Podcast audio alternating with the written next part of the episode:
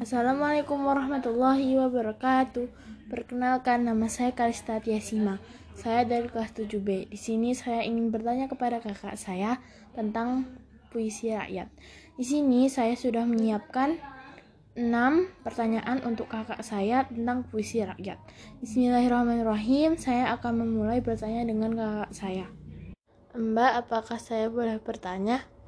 Iya, boleh. Apakah Mbak mengetahui tentang pantun zaman dahulu? Iya, saya mengetahui. Mbak, apakah dulu juga ada pelajaran tentang syair? Iya, ada. Mbak tahu pengertian tentang puisi rakyat enggak?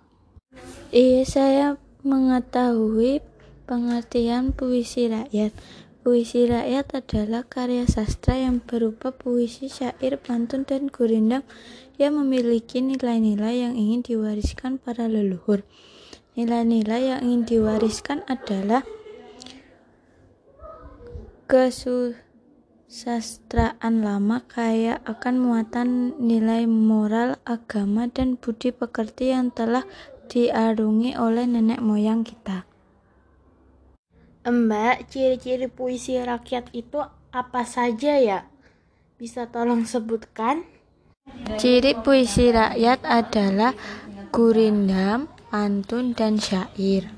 Mbak, kalau jenis-jenis puisi rakyat itu ada berapa ya? Jenis-jenis puisi rakyat adalah mantra, pantun, peribahasa, bidal, pepatah, perumpamaan, gurindam, seloka. Apakah Mbak tahu contoh-contoh puisi rak rakyat?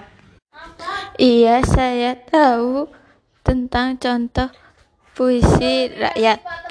Sekian dari saya, mohon maaf bila ada salah kata. Wassalamualaikum warahmatullahi wabarakatuh. Terima kasih.